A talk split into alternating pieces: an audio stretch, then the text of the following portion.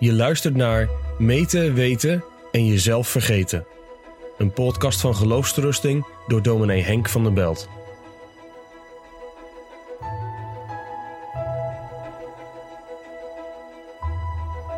Bevinding is beproeving. Beproeving van het geloof. En bij die geloofszekerheid die zich helemaal richt op de Heer Jezus en toch ook nadenkt over de effecten, over de vruchten van het geloof. Bij die geloofszekerheid hoort inderdaad de bijbelse ondervinding. Bevinden dat de beloften van het woord van God waarachtig en betrouwbaar zijn.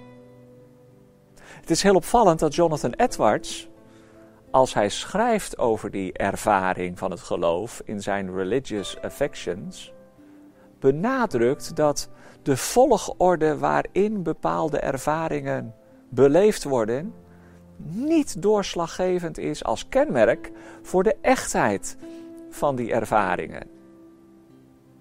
Hij schrijft daar vrij uitvoerig over, omdat in de Puriteinse literatuur van zijn voorvaderen, de Puritijnen in Noord-Amerika en Engeland, die volgorde van ellende, verlossing en dankbaarheid wel vaak als kenmerk gehanteerd wordt.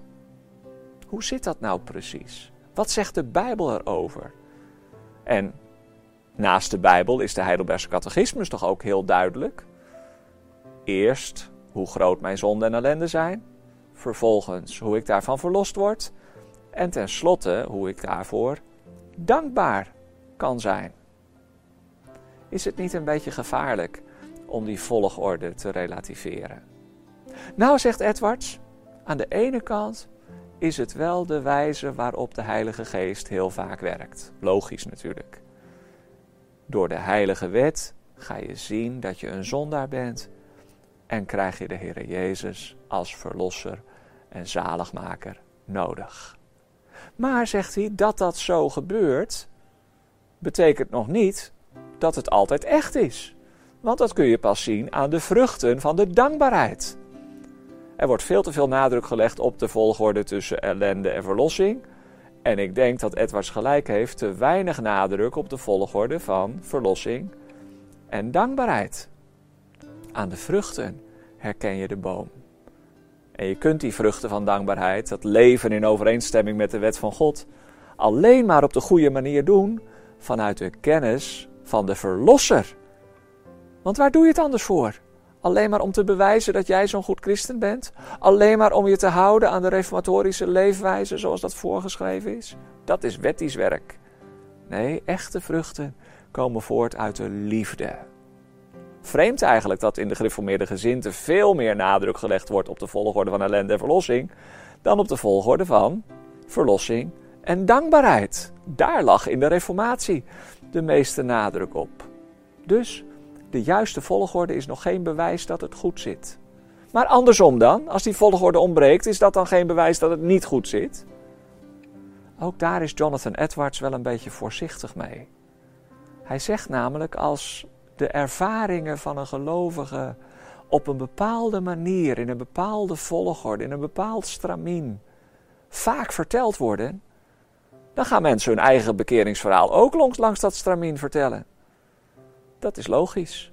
Ja, hij gaat nog een stapje verder. Je gaat het zelfs ervaren op de manier waarop het eigenlijk behoort ervaren te worden volgens het standaardverhaal. En dan perk je de Heilige Geest toch wel te veel in. Want ellendekennis is niet alleen maar een vreselijk groot schuldgevoel. Het kan ook te maken hebben met een verlangen. Met een leegte. Met een honger en dorst naar God omdat er iets van de liefde van God in je hart wordt uitgestort en je de Here niet meer kunt missen. Hoe de Heilige Geest begint te werken, daarin is Hij vrij. Ja, de Heer Jezus zegt wel dat je de dokter nodig hebt als je ziek bent. Dat zegt hij tegen de Fariseeën, die Hem niet nodig hadden. In Matthäus 9. De fariseeën zeggen tegen de discipelen, ze vragen hem waarom hun meester met tollenaren en zondaren eet en drinkt. En Jezus hoort het en hij zegt, die gezond zijn, hebben de dokter niet nodig, maar die ziek zijn. Maar weet je wat Jezus niet zegt? Hij zegt niet: mensen die zich heel ziek voelen, hebben de dokter nodig, maar mensen die ziek zijn. Je bent ziek. En misschien is het wel veel gevaarlijker als je het niet voelt. Want dan ga je niet zomaar naar de dokter. En toch kun je ervan overtuigd raken dat je ziek bent. Er is geen dokter die weet dat je ziek bent en tegen je zegt: wacht maar tot je het voelt en kom dan maar terug. Als je weet dat je ziek bent, heb je de dokter nodig. En daarom is die volgorde in de tijd van de Reformatie en die volgorde in de catechismus niet zozeer psychologisch, de volgorde van de bevinding, maar pedagogisch. Het is de volgorde waarin er gepreekt moet worden. Wet en evangelie, zonde en genade, ellende, verlossing en dankbaarheid. Door de boodschap zo te brengen vanuit de heiligheid van God, ga je vanzelf de leegte voelen, de ellende, het kwaad dat nog in je woont. Nou ja, vanzelf. Helaas gebeurt het niet vanzelf. Het is het werk van de Heilige Geest, die zoals Spurgeon zegt, de draad van het evangelie, de gouden draad, aan de scherpe naald van de wet hangt. Auw, dat doet zeer als je gehecht wordt. En die scherpe naald gaat door je vlees. Toch is het nodig. Wet en evangelie, zonde en genade. Zo wil de Heer dat het evangelie gebracht wordt. Niet als een oppervlakkige boodschap, God houdt van iedereen. Maar vanuit de heiligheid van God. En hoe jij het beleeft? Laat dat maar aan de Heer over.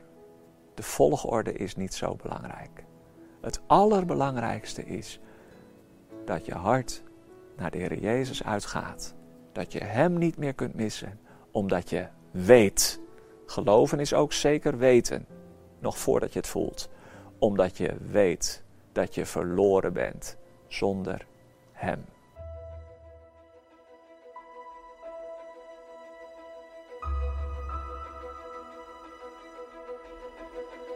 Je luisterde naar een podcast van Geloofsterusting. Wil je meer luisteren, lezen of bekijken? Steun dan onze missie en ga naar de website geloofsterusting.nl.